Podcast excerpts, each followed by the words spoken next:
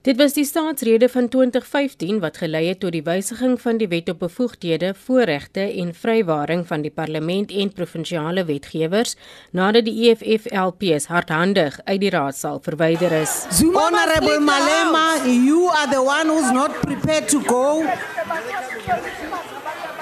I hope this gentleman will You can kill me, it's fine, kill me. Just kill me. There's no problem, kill me. Die DA het die verwydering in die hof uitgedaag. Die konstitusionele hof het bevind dat 'n gedeelte van die wet grondwetlik ongeldig was, omdat dit toelaat dat LPs gearresteer kan word vir vryheid van spraak. Die wysiging beteken basies dieselfde reëls geld nie vir LPs as vir gewone burgers as dit kom by vrye spraak of ontwrigting nie, as gevolg van hul parlementêre voorregte. Dit beteken egter nie LPs het vrye teels nie. 'n Lid van die DA, Annelie Lotrie, het verduidelik wanneer LPs verwyder mag word.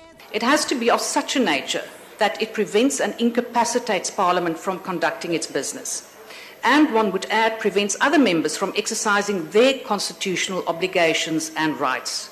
LPs van die ANC, Nyami Boy, die EFF se Narend Singh en AIC-leier Mandlen Kosigalo sê die wysiging beskerm die waardigheid van die parlement.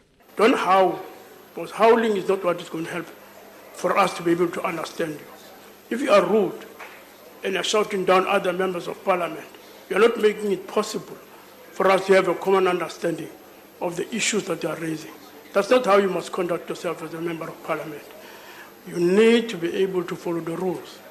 You can't allow anarchy to be promoted inside the house.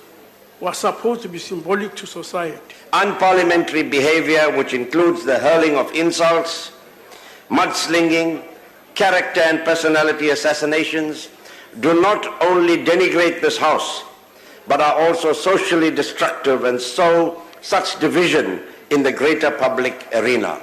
This judgment requires Parliament to protect and promote free speech by allowing members of Parliament to robustly engage one another without fear, favor, or prejudice. Honorable, I'm afraid your freedom of speech is expired for now. Die EFF was die enigste party wat nie die wysiging ondersteun het nie, EFF LP Sengwem Kalipi.